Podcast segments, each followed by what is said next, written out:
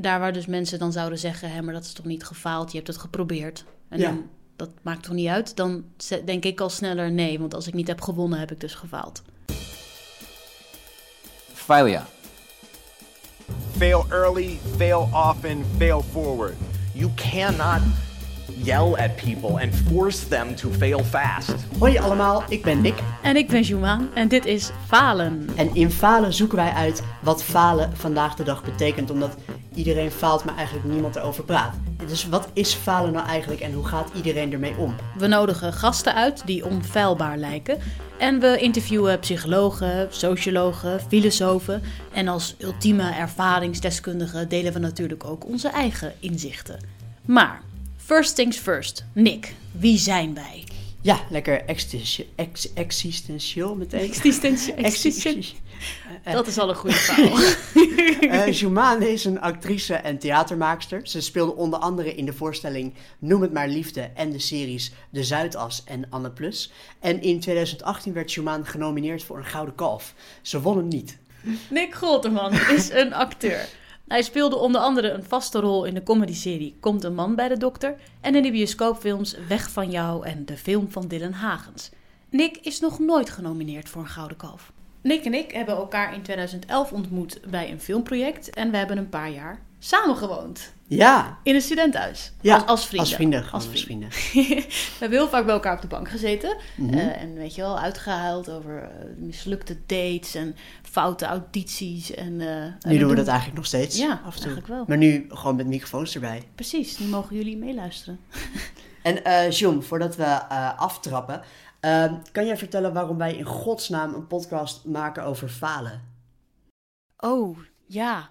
Ehm, nou, omdat ik, ik zat te denken, wij doen het allemaal, falen. Mhm. En we zitten nu in een soort. Onze generatie zit echt in een soort wereld waarin er enorme prestatiedrang is. En een soort zoveel keuzevrijheid. Maar wel dat je succesvol moet zijn. En weet je wel, het, het succes is, is het ding om te zijn. En alles wat daar buiten valt mag niet bestaan. Ja, Eh, je Insta mag alleen volstaan met succesverhalen. Terwijl ik weet, tenminste van mijn vrienden, dat we allemaal eigenlijk nog meer. dat we evenveel faalverhalen hebben. Ehm, en ik snap niet waarom we dat eigenlijk nooit vieren en waarom, waarom, we, waarom dat niet mag bestaan. En ik denk dat het ook ons allemaal een stuk minder alleen zou laten voelen als we daarover zouden praten. En jij, Nick? ja ik, ik ben het ermee eens. En ehm, ik denk, als we ooit iets zeggen over falen, dan is het best wel vaak in een jasje dat het alsnog geslaagd is, weet je wel? Van, ja, ja, ik ben toen op mijn bek gegaan, maar uiteindelijk heb ik daar heel veel van Ja. geleerd, wat echt prima is. Maar eh, soms is het ook gewoon even super kut. En soms is er geen les uit te trekken. En soms wat iemand definieert als falen, definieert zijn of haar buurman of buurvrouw met eh, ongelooflijk succes met een minor setback, weet je wel? Dus eh, ik vind het heel leuk om dat te verkennen. En het is een heel Ja. subjectief eh, onderwerp, de definitie van falen. Ja, het is heel erg hoe het voor jou voelt, kan voor een ander weer totaal geen falen zijn, inderdaad. Ja, en ik faal zelf nooit. Dus ik, ik ben gewoon heel benieuwd hoe mensen dat ervaren. In deze aflevering gaan Nick en ik de diepte in met onze eerste twee gasten. Dat zijn Nick en ik. Ja, wat een plot twist. Ook een budgetair, gewoon super chill eh, dat wij dat zijn. Maar dit is ook de allereerste aflevering en wij zijn niet BN'er genoeg om ervan uit te gaan dat iedereen ons kent. Dus ehm, ja, wij grijpen deze kans om dat lekker in te halen. En deze podcast gaat over falen, dus wij ontkomen er niet aan om zelf met de billen bloot te gaan. Figuurlijk gezien, met de billen bloot. Ja, nou ja, ik bedoel, dit, het is een podcast, dus als ik die zonnebroek wil opnemen, dan doe ik dat. Eigenlijk doe je dat al, toch Nick? Ja. Ja. Oh, dat is ook goed om te vermelden. Dat het is nu aan coronatijd. Ja. nice. Echt zo'n week één van quarantaine heb ik dat opgegeven. Ja, dat is gewoon een privilege. Laat Maar maar. in ieder geval, eh, vandaar dat het geluid misschien wat minder is dan je... Dan je... Dan de standaard die je van podcasts hebt. Ja, ja, precies. Ja, dus daar falen wij ook al in. Verder gaan we het hebben over wat falen precies is en wat het voor ons betekent. Maar we gaan beginnen met onze eigen falen. Uh, welke heb jij gekozen? Nou, daar komt ie. Ehm, mijn ex en ik vierden bijna ons vijfjarig jubileum. Na een nogal moeilijke rough patch. Ehm, ik had hem als verrassing al een week lang beroemde liefdesbrieven gestuurd. Je weet wel van Beethoven en Napoleon. Je hebt van die boekjes waarin dat allemaal opgeslagen en bewaard is. Het is echt heel romantisch. Echt te gek. Ik heb dit idee, idee gejat van Sex and the City. dus ik had die allemaal overgenomen, handgeschreven, opgestuurd per fucking post. Ik bedoel, wie doet dat nog? Dus op ons jubileum bel ik hem op, heb een romantisch etentje in gedachten en vraag wat hij wil doen. Mhm. Zegt hij dat hij verliefd is op een ander? op, op de dag van jullie jubileum Ja, van vijf jaar. ja. Ja. En ik had zeg maar de laatste liefdesbrief, die dan als verrassing van mijzelf was, Mhm. net op de post gedaan. Ja. Oh mijn god. Dus Ja. die zou je soort van een week na, na het beëindigen van de relatie te krijgen hoeveel, hoeveel hij voor je betekent. En Ja, het was echt. Ik had gewild dat ik nog. Ik heb echt nog overwogen om terug te gaan en daar bij, de, bij die post, bij, bij die brievenbus te wachten. tot de postbode zou komen om zo, leeg zo te halen. kauwgom aan een stokje en dan zo. Ja, of gewoon zeggen van alsjeblieft, mag ik alsjeblieft even mijn brief terug? Gewoon, want dit is gewoon voor niemand leuk. Oh mijn god. Ja. Oh shit. En mij had hij zoiets van, ja, het ging ook niet zo goed tussen ons. Dus ik snap, waarom heb je die brieven gestuurd? En ik zo, ja, het is eigenlijk wel goed punt. Oh mijn god, maar dat vroeg je ook niet tijdens het krijgen van die brieven of zo? Zijn niet Nee, want we hadden dus een soort van break. Dus we zaten in een Oh. soort van break waarin we gewoon niet zo goed wisten Wat hoe wat. Ja. Oh wow. En toen dacht ik nog als een soort laatste redmiddel, want ik dacht, we hebben toch al vijf jaar, dat is, betekent wel wat. Heb ik heb, ja, als een soort van laatste romantische redmiddel, wat gewoon totaal gefaald is. Oh, Dus zo zielig. helemaal kut. Maar voelde dat als falen voor jou op dat moment? Ja, maar meer als falen dat ik het niet, dat, dat ik de situatie niet beter had ingeschat of zo. Ja? Ja, maar ik heb nooit spijt gehad van die brieven versturen. Want dat zijn gewoon hele mooie brieven die gelezen moeten worden. Ja. Dus meer van.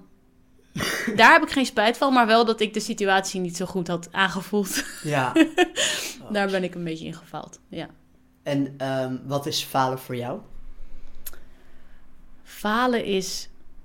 ehm, ja, het gevoel hebben dat je iets niet goed genoeg hebt gedaan. Of dat je bent tekortgeschoten. Oh ja. Voor mij is dat wat falen is. En heb je dat gevoel snel? Eh, op sommige gebieden wel. Of ben ik wat strenger voor mezelf. En dan daar waar dus mensen dan zouden zeggen... Hé, maar dat is toch niet gefaald, je hebt het geprobeerd. En Ja. dan, dat maakt toch niet uit? Dan denk ik al sneller nee. Want als ik niet heb gewonnen, heb ik dus gefaald. Maar dat ja. ligt maar net welke aspecten van het leven... In welke aspect heb jij het meer? Ik had het... Ik vergelijk heel vaak daten met audities doen. Hm. En ik denk dat ik bij beide, door het gewoon vaker te hebben gedaan... op een gegeven moment beter ben geworden in dingen niet meer als falen zien. Oh ja. maar meer als pogingen zien en dan ga je gewoon door. Ja. Maar in het begin had ik bij beide, dus zowel bij audities doen in mijn carrière als op dates gaan Ja. en dan niet meer teruggebeld worden of wat dan ook, had ik heel erg dat ik dat als falen zag of dat ik dat als een kleine mislukkingen zag of zo. Oh ja. En ja, dat is gewoon een kwestie van een olifantenhuid, of het nou in je liefdesleven is of... Eh, Als je nu terugdenkt aan die faal, want we zijn nu jaren verder. eh, ik noem het even faal, maar ik weet niet, het is eigenlijk niet echt een faal, vind ik. Maar eh, ik noem het een faalverhaal. Ja. Ehm voelt het dan nog steeds als falen voor jou? Ehm, nou ja, je zou het eigenlijk dan altijd moeten zeggen als het zo lang geleden is. En weet je wel, je bent er beter van geworden, zeg je altijd. Het was een les. dat zal vast ook wel een conclusie kunnen zijn. Ja. Ehm, nee, kijk, ik kan altijd zeggen, ik wou dat ik het eerder had ingezien en minder energie en tijd eraan had besteed. Maar ik denk dat je dingen falen wanneer het tijd is om te falen. En Oh, wauw. op dat moment haal je er, of dat nou uit elkaar gaan is, of eh, een baan niet krijgen, of weet je wel. Ik denk gewoon, achteraf gezien denk je altijd, oh, het was misschien wel beter zo. Ja. Dus nee, ik heb nooit spijt. Alleen, ik denk dat het nog steeds voor mij heel erg voelt als falen, of zo, Ja, op dat ja, ja. moment. Ja. En jij, wat, wat is falen voor jou? Ehm, Of nee, begin eerst met je anekdote. Want dan ja, komen we misschien ja, al... ja. Nou ja, ja mijn, mijn faalverhaal die het meest naar voren kwam, die ik echt als faalverhaal omschrijf, omdat het nog steeds zo voelt, is ehm, dat ik na de middelbare school aanmelding had gedaan voor de filmacademie. Mhm. En ehm, ik was op de middelbare school, eh, ja, echt zeg maar die filmgeek. En ik won daar prijzen mee. En ik speelde eh, echt altijd hele leuke rollen in de schoolmusical. En ook in mijn films, omdat ik ook mezelf castte. cast. en ehm, eh, zeg maar, elke auditie die ik deed, die lukte, zeg maar. En toen was ik eh 18, deed ik eerst een tussenjaar. En toen was ik 19, had ik me helemaal aangemeld voor de filmacademie. was ik er helemaal klaar voor. En toen was zo, nee, nee, nee, je mag op de reservelijst. En dat is Oh, dan kut. Ja, dat is zeg maar, eh doen dan 120 mensen aanmeldingen voor regiefictie en eh, worden dan zes aangenomen. En als een van die zes dan zegt nee, dan kiezen ze iemand uit de reservelijst, zeg maar. Oh ja. Ehm, en dat, dat, ja, ik weet niet. Ik had toen een paar jaar later, eh, ik heb mijn bonden gelikt en zo, een paar jaar later weer aanmelding gedaan. En toen kwam ik weer op die fucking reservelijst. Oh. Dus toen, weet je wel, ik ga daar ook heen en dan moest je zo'n aanmeldingsgesprek doen. En dan moest je daarvoor zes films kijken die allemaal heel cultureel verantwoordelijk waren en super diep. En echt Ja. drama, drama films. En ik was zelf veel meer in mijn comedy al. En, en daarin was ik mezelf meer aan het uitdrukken en ehm, hoe je dat doet. En het voelde heel erg tijdens dat gesprek, kwam ik erachter van fuck, het voelt alsof alles wat ik, eh, alles wat mijn intuïtie is, niet echt cinema cinema is. En eh, dat ik allemaal andere antwoorden had moeten geven. En dat ik me in een bocht moest wringen die ik niet helemaal was. In hun hokje heel erg moest proppen, zeg maar. Ja, ja. ja. en wa- waarschijnlijk hoefde dat helemaal niet, maar zo voelde het in die tijd. Of dat, tijdens dat gesprek kwam het gewoon naar voren van dit, dit is het niet helemaal of zo. Ja. Ehm, en ja, ik weet niet, eh, gewoon, eh, het was best wel kut van dat je zo'n brief krijgt met, ja, je bent op zich goed genoeg, maar er zijn mensen die we liever willen. Dus het is een soort van, dat je, je hebt zo'n plan B gevoel of zo. ja. En ik was dat minder gewend, omdat toen ik, eh, weet je wel, in de middelbare school lukte al die audities. En toen kwam ik in de echte wereld, was zo, nee. En dan word je nooit gebeld en Ja. dat soort dingen. En dan kom je erachter dat je helemaal niet zoveel weet. Dat was best wel hard. En ehm, vooral bij de tweede keer dat ik op die reservelijst kwam, toen was ik eh, een, een sketch aan het editen voor een, eh, een soort parodie op Spangas die we aan het maken waren. Dat heette De Weg over Rozen. En ehm, dat was een, een sketch van een meisje met bulimia die in de badkamer probeert te kotsen. En dat lukt niet. En dan zet ze op een gegeven moment haar iPhone aan en zet ze het lied Baby aan van Justin Bieber. En dan kost ze echt als een tuinslang de hele badkamer onder. Wat wij op dat moment heel grappig vonden. En dus ik kreeg die brief letterlijk terwijl ik dat aan het editen was. En dan ben ik echt tot- diep in de nacht die scène gaan editen. Met een soort van afgewisseld met een soort van angry push-ups om die energie kwijt te kunnen. Wat goed. Ja, en eh, ik weet niet, het was ook een soort van. eh, weet je wel, ik, ik ben dan niet die ideale student en mijn, mijn, eh, ja, ik ben blijkbaar niet goed genoeg voor jullie filmacademie. Dan ga ik me ook volledig overgeven aan, aan wat ik fucking grappig vind en wat, waar ik eh, een blij gevoel van krijg en wat, hoe, wat ik wil uitdrukken. Weet je wel? Maar dat is eigenlijk een super gezonde manier. Zo komt het over als ze ermee omgaan, toch? Ja, maar het doet nog steeds, echt nu tien jaar later, doet het nog steeds een beetje pijn. En is het nog steeds een beetje van, ben je acteur? Zeg maar dat, dat ik eh, betrap mezelf op dat ik zeg, ja, ik werk als acteur. Hmm. En nooit van, ik ben acteur of zo. Het voelt altijd een beetje, eh, van, ik maak nog steeds sketches, maar het voelt nog steeds een beetje van, ja, maar je bent niet naar de filmacademie geweest. Dus je bent niet echt een filmmaker, weet je wel? Nee, oké, maar ik denk wel dat dat het ook een, een, een kracht kan zijn dat je je niet in een hokje laat duwen, omdat je veel verschillende dingen goed kan. Ja, comedy wordt ook sneller, weet je wel, aan de kindertafel gezet of zo. Dus Mhm. Ja, en nu ben ik er iets, ben ik er veel meer eh, daarin in mijn, in mijn kracht, zeg maar, en daar heel blij mee. En merk ik ook dat ik met die comedy dat niet alleen oppervlakkige haha ding is, maar dat ik er ook wel wat mee kan uitdragen. Maar nog steeds voelt het als falen en van, ah, ik had nu ook echte films kunnen maken. Weet je wel? Ja. Ja, en nu kan ik het wel sneller relativeren en nu ben ik, ja, ook wel wat meer gewend en eh, merk ik ook dat mensen eh, die me vragen, me ook vaker vragen als ik bij ze pas, weet je. Dus dat ik heel Mhm. erg mijn eigen niche van mensen vind die, eh, die klikken met mij. Ja, het is grappig. Ik denk dat. Ik herken heel erg dat gevoel, hoe jij daarop reageert, een soort bewijsdrang hebben. Dus als, als het niet lukt, als iets niet lukt, of als je wordt afgewezen of iets gaat niet zoals jij wil, of het voelt als een mislukking of een faal, dat je dan juist, het kan zich ook vertalen in dat je juist in een soort woede Ja. denkt, motherfuckers, ik ga jullie wat laten zien. En of Ja. dat nou is van, ik ga gewoon deze break-up winnen, Ja, wat nergens op slaat, want wat win je nou als in, wat, wat is winnen? Overcompenseren de andere kant op. Ja, precies. Is dat meteen iemand anders daten of opeens eh, super fit worden? Of, of Ja. het is inderdaad winnen van... oké, jullie hebben me afgewezen op deze school... maar ik ga dan alsnog op mijn manier de beste Ja. filmmaker worden in mijn veld of zo. Ja, ja, ik had ook, eh, je had zo'n quote van Richard III, eh als in, van Shakespeare, van ja, omdat ik geen held kan zijn, dan ga ik nu de ultieme villain zijn. Dus ik ga nu volledig de andere kant op, omdat dat andere kan ik toch niet, zeg maar. Maar ik merkte ook dat in het begin dat er ook een soort, inderdaad, eh, dat ik te veel de andere kant op schoot en te veel Mhm. een soort van recalcitrant dat ik daar ook niet per se heel erg in geloofde, weet je wel? Dat ik Ja. daar nu een beetje zo'n fijne middenweg in vind of zo. Ja, het is wel, ik denk ook wel dat het nodig is om. Ik ben nu een boek aan het lezen en het is van twee Japanners waarvan ik de namen ben vergeten. En het boek heet, het is echt een heel tof boek. Het heet The Courage to be Disliked. Oké. En het gaat over, nou, het zijn, eigenlijk is het een gesprek tussen twee fictieve figuren die praten over een hele bekende ehm, filosoof, Adler heet hij, die allemaal ideeën heeft over waarom we zo de behoefte hebben om geaccepteerd en geliefd te zijn door mensen om ons heen. En dan hebben ze het over de inferior, zeg maar het gevoel van inferieur zijn aan iemand of superieur. En dat het eigenlijk heel gezond is om je inferieur te voelen aan, aan iemand. Ja? Want dat was zijn, dat vond ik ook raar. Maar zijn argument was: je hebt het nodig om je, om die bewijsdrang eigenlijk heb je nodig om verder te komen in het leven. Ja. Het moet zich gewoon niet vertalen naar een complex. Oh. Want wan- wanneer het een complex wordt, ben je meer met je trots bezig dan met je ontwikkeling. Ja, dat is een goeie. Ja, ik vond het wel. En misschien is het een hele Japanse manier van naar een individu kijken in een maatschappij. Dat je je wat bescheidener opstelt en daardoor meer groeit. Maar ik vond het denk ik wel.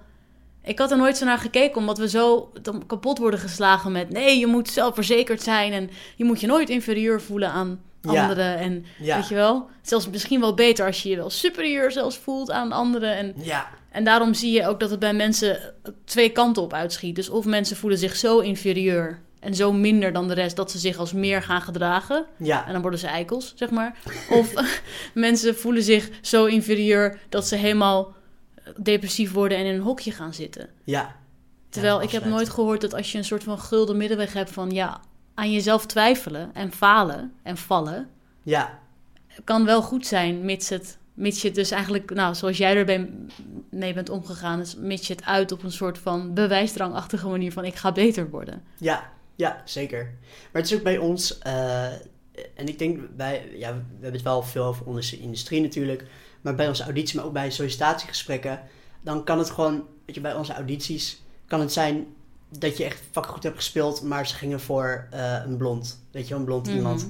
Dus dan, weet je wel, dan hou je die auditie niet en dan voelt als falen en dan probeer jij een soort van, een, probeer ik dan een soort les eruit te trekken van, ah fuck, als ik me iets meer beter had voorbereid of als ik, als ik ehm, dit en dat anders had, eh, weet je, een andere insteek had gedaan, dan was ik het geworden, terwijl dat niet het geval is. Dus het is Nee. ook heel gevaarlijk om achter elke tegenslag een soort les te zoeken, zeg maar. Ja, dat is ook zo. Niet, niet alles heeft per se betekenis of Nee, causaliteit of ja, zo. kosmisch gelijk zo. En vooral niet als je in een ruimte zit met tien mensen die allemaal op jou lijken. En dat je echt Ja. denkt, ja maar oké, wat is nu de reden? Want ja, ik snap dat we allemaal verschillende personen zijn, maar je kan nu niet zeggen we wilden voor een blond persoon Nee. gaan. Nee, klopt. Nee, en ik heb ook vaak genoeg een rol gekregen en dan weet ik ook van, oh, dit was omdat diegene niet kon, zeg maar. Dus Mhm. het, het is ook, ja, het snijdt zo aan twee kanten of zo. Denk je dat falen ook een sociale component heeft? Dat we er misschien bang voor zijn, omdat je vooral bang bent wat de rest van je vindt? Nog meer dan wat je zelf ervan vindt? Ehm, Dus dat je meer bang bent om gezichtsverlies te lijden dan per se. ja, ik denk het wel. Ik denk wel, vooral op wat je deelt op social media is altijd, eh, of bijna altijd positief. Of, en als het negatief is, dan is het wel in een positief jasje van, ja, maar ik ben eruit. Of ik heb er een lesje uitgetrokken. Of Mhm. dat soort dingen. Ehm, dus ik denk, ja, ik denk dat je wel sneller, of ik, dat ik sneller dingen in een faalvakje zet als ik het erover heb met anderen, dan wanneer ik het zelf erover denk. Oh ja. En jij? Ik heb grappig genoeg als ik uitspreek wat ik zelf zo'n faal vond. Dus gewoon als ik mijn interne criticus dan Ja. even zijn, zijn zegje laat doen en ik ventileer even tegen vrienden of tegen mijn zus. Dan als ik het eenmaal uitspreek, dan bedenk ik, Jezus, dit is ook wel heel streng. Of dit Ja. is misschien niet per se falen wat je nu beschrijft. Nee. Nee. Dus juist als ik het hardop hoor, dan denk ik, waar ben ik nou eigenlijk bang voor? Dat andere mensen zo naar mij kijken of vooral hoe ik zelf naar, me kijk, naar mezelf kijk, zeg maar. Ben jij perfectionistisch? Ehm, ik denk dat dat wel meevalt. Nee, ik denk dat... Misschien vinden andere mensen dat wel, maar ik heb zelf het gevoel dat, dat, dat, dat het wel meevalt. Dat ik op zich best wel kan denken, ja maar, je bent nooit klaar Nee. met een product. En ook met voorstellingen denk ik altijd, ja, tuurlijk kan dit beter. Maar met de tijd die ons gegeven is, Maar heb je ooit een voorstelling gehad dat je dacht dat je achteraf het applaus ontving en dacht dat was echt een fucking tien? Nee, Nooit? nee. Nee, ik heb maar dat komt meer omdat je hebt gewoon, het gaat om verwachtingen. Dus ik denk ook dat een Ja. faal heel snel een faal voelt omdat het niet voldoet aan verwachtingen. Dus ook niet. Ik heb wel eens gehad dat ik een voorstelling dat ik dacht: oh, maar oké, kom op, dit is nu wel echt. Ik ben hier best trots op en oké, misschien is dit dan de voorstelling die heel goed wordt ontvangen en dat het echt wordt opgepikt en, en dat dat dan niet gebeurde. En dat Ja. ik me toen afvroeg: oké, maar zie ik dit als een faal? Dus laat ik dan de reactie van het publiek bepalen of dit een faal is voor mij? Hmm. Of is het inderdaad een faal omdat ja, een voorstelling is pas succesvol als het door de theaterkrant, als het door recensies allemaal Vijf is. sterren. en- Ja, en dat vond ik wel een hele. Ik heb daar nog steeds geen antwoord op. Want is zeg maar wat wij maken, of kunst, of whatever je het noemt, ma- is het pas succesvol als anderen dat ook vinden? Of kan het Ja. ook in zichzelf? En wat is succesvol dan? Is het dan als je de Ja. boodschap goed hebt overgebracht? Is het dan al een succes? Ja, of als je vijf sterren krijgt, of uitverkochte zalen, of... Ja, maar ik bedoel, als er maar vijf man zitten en die vinden het wel te gek, Ja, betekent dat dan niks? en kan je je eigen performance loszetten van de voorstelling. Van dat je, ja, voorstelling is kut, maar wat ik heb bijgedragen, heb ik wel... Nee. Oh ja, Nee, want soms. Want dat vind ik wel een goede, ja. Maar dat ligt er, kijk, als, als, als je als acteur in andermans artistieke visie speelt, dat is nog anders dan wat, wat ik als maker doe. ja, Dus ik ben als maker veel strenger op wat ik doe. En dat voelt dan ook veel sneller als een mislukking als ik eh, Ah, maar ja. vijf man in de zaal heb zitten. Terwijl als ik als actrice in een regie van een andere regisseur sta, dan ja, dan, kan ik, dan ben ik meer op mijn performance eh, kritisch. Ja. En minder op het geheel, want dan denk ik, ja, dit is gewoon zo niet mijn smaak. Of dit, oh ja, ja, daar kan ik wel wat van vinden, maar ik ben toch maar dienend aan het materiaal van een ander. ja. Heb jij dat niet, dat als je zelf dingen maakt, dat je dan strenger Ja, bent? veel meer. Ja, ja, ja, en ook echt veel meer... eh, Ja, ja. ehm, ik kan best wel goed loskoppelen, omdat ik doe best wel veel bijrollen en zo. Dus dan kan ik ook best wel goed loskoppelen als ik ergens participeer van... Nou ja, eh, weet je, wat, wat, wat ik kon doen heb ik goed gedaan. Mensen moesten reageren goed op die scène en dat is het, weet je. Of soms zelfs dat niet eens, dan denk je van, dan, dan geef ik de bal zodat iemand anders er heel goed in kan schoppen, weet je. Dus dan Hmm. neem je juist wat afstand wat lekker is. Maar als ik dan zelf wat maak, dan ben ik inderdaad veel kritischer en veel strakker ermee bezig. En dat is ook de reden dat ik eh, dan veel minder snel dingen release of dat soort dingen, weet je wel. Nou ja. Heb je wel eens in iets gestaan waarvan je echt dacht: deze productie is zo'n faal, maar Ja. ik heb het best goed gedaan? Ja. ja, ik had één keer echt al tijdens de opnames van... Oh nee, dit is echt... Nee, dit kan... Ah, shit, shit, shit, shit, shit. Weet je wel, maar wel echt je best doen. Wel, weet je wel, geprobeerd het maximaal eruit te halen. En dat is ook een beetje sad, dat je probeert van een 4 een 6 te maken. Dat is ook een beetje shit, dat dat maximum haalbare is, weet je wel. Maar andere keren was het ook... Was het een risicoproductie. En dan kon het heel erg lukken of heel erg mislukken. En dan zie ik het niet als falen nu het soort van mislukt is. Of hij ging minder goed op festivals. Of eh, minder mensen gingen erheen. Dan denk ik van ja, maar iedereen heeft de ballen er gehad om eraan mee te doen. Hmm. En is het dan alleen een bewonderenswaardig iets als het gelukt is? Ik heb eerder van, ja, de, ja, de, de intentie was er van iedereen. En soms heb je ook producties waar, waar niemand eigenlijk zin heeft die op de set staat. En iedereen, ja, ja. Super deprimerend. Ja, super hard. En die probeer ik ook heel hard te vermijden. En, zo. en soms kom je er ook achteraf achter van... Volgens mij gelooft de regisseur helemaal zelf niet in dit shit. Maar dat is toch absurd? Want dan, dan noem je dat? Je zet jezelf op voor, voor, voor failure. eigenlijk. En Ja. dat vind ik er dan zo...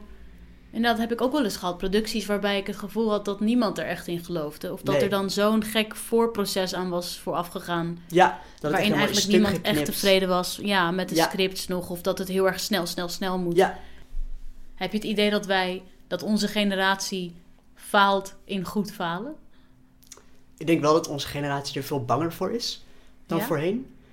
Maar aan de andere kant, als ik kijk naar onze ouders, die hadden misschien mi- minder keuzevrijheid.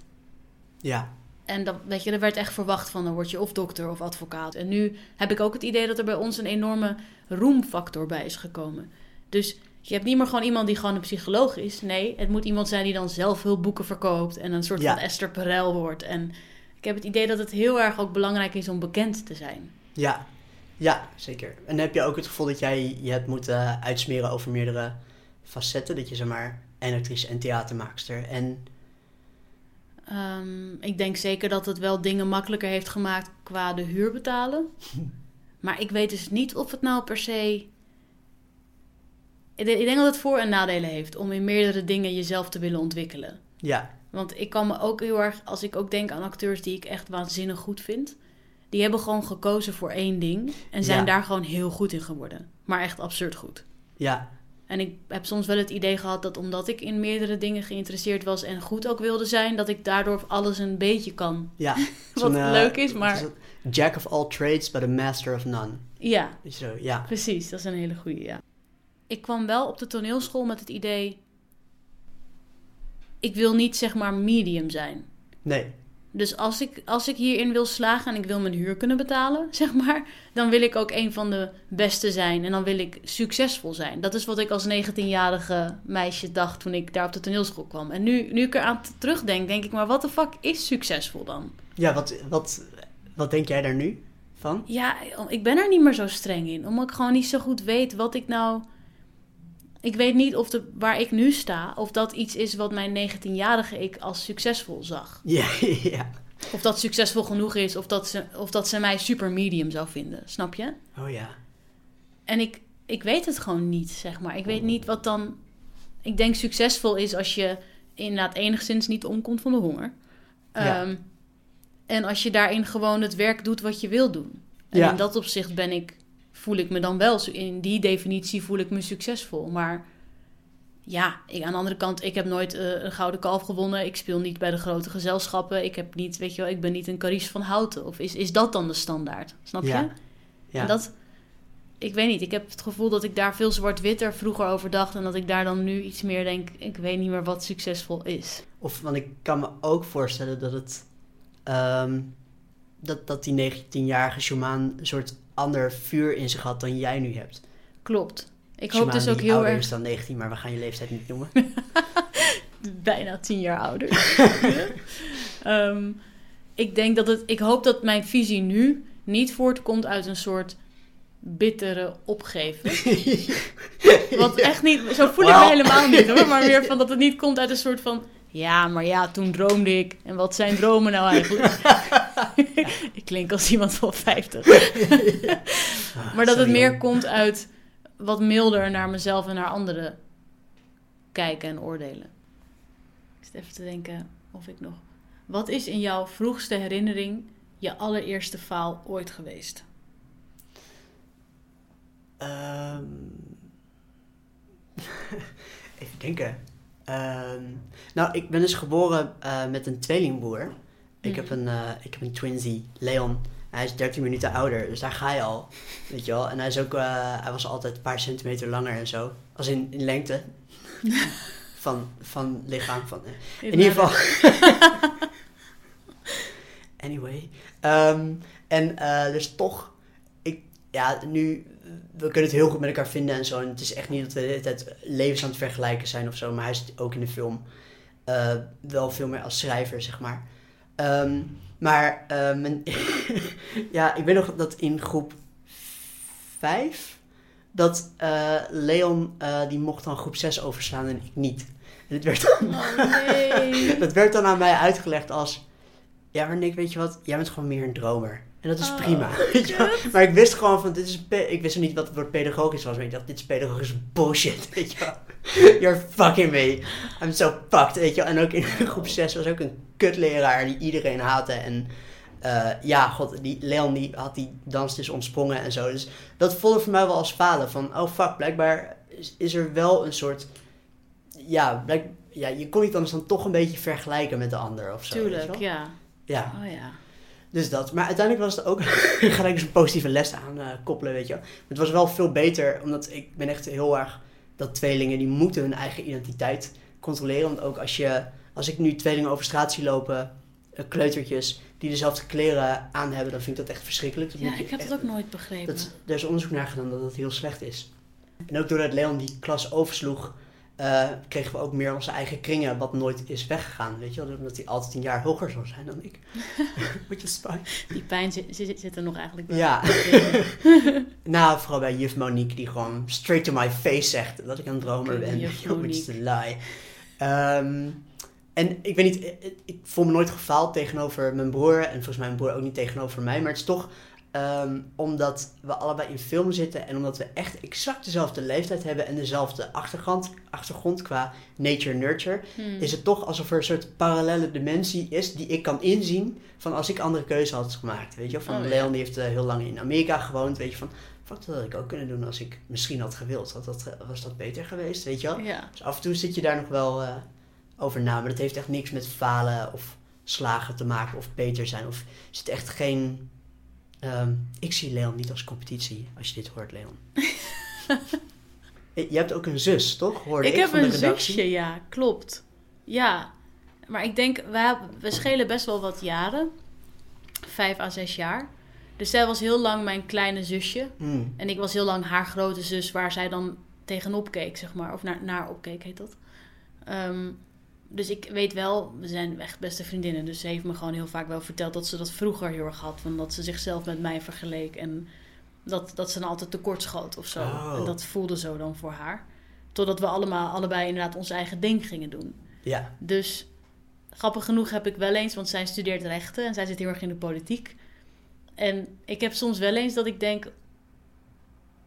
Want ja, we hebben allebei op een vrij bekakte, ja, een soort van gymnasiumschool gezeten. Met het soort In het idee gooi, van. toch? In het gooi, verschrikkelijk. En zij, grap, zij, zij zei later van, zij ging naar het gymnasium omdat ik dat ook deed. Dus zij wilde per se ook die Ah. school.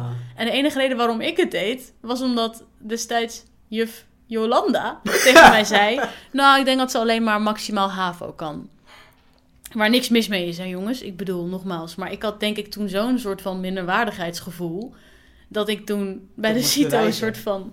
Ja, echt een shit. soort mental breakdown had bijna... omdat ik zo goed wilde scoren. En ik moest en zou naar de beste school in het district om haar... Ik ben ook gewoon een jaar later teruggekomen met, met mijn rapport.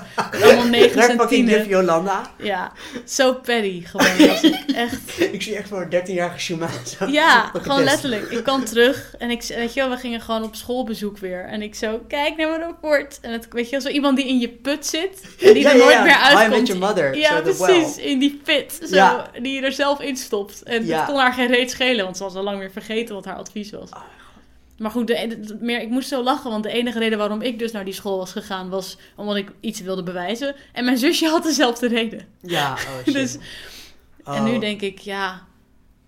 Nee, ik heb, ik heb eigenlijk heel lang niet zo'n competitie met haar gevoeld. Maar ik heb wel eens gedacht, goh, ik heb eigenlijk nooit daarna iets gedaan met dat diploma. Of zo. niet op die manier. Ja? Weet je, op, op- als je kijkt naar mensen van onze school, die zijn allemaal best wel op hoge posities geland. En zeg maar de tour die mijn zusje nu opgaat, weet je wel, zo rechten studeren en dan misschien advocaat worden of in de politiek. En Ja, weet je, ja. of dokter worden of dat. Dat heb ik, ja, ik heb gewoon, ik heb gedacht, oké, ik heb hem, you, ik ga de kustenkant op. Oh shit. Nogmaals, waar, er is niks, er wil verder niks zeggen over niveau of zo. Het gaat hem gewoon meer omdat ik me wel eens afvraag van, heb ik dan een soort van gefaalde keuze gemaakt dat ik Ja. nu in de hele schrale sector zit, Oh, wat ja. kunst heet. Maar je leunt op subsidie, subsidie en ja. terwijl ik had ook gewoon rijk kunnen worden, misschien met iets eh, je hebt nu ook gewoon een Prius kunnen hebben. Ja, precies. Nou, John, laatste vraag voordat we afsluiten. Spendeer jij meer tijd met nadenken over waar je trots op bent dan waarin je gefaald hebt?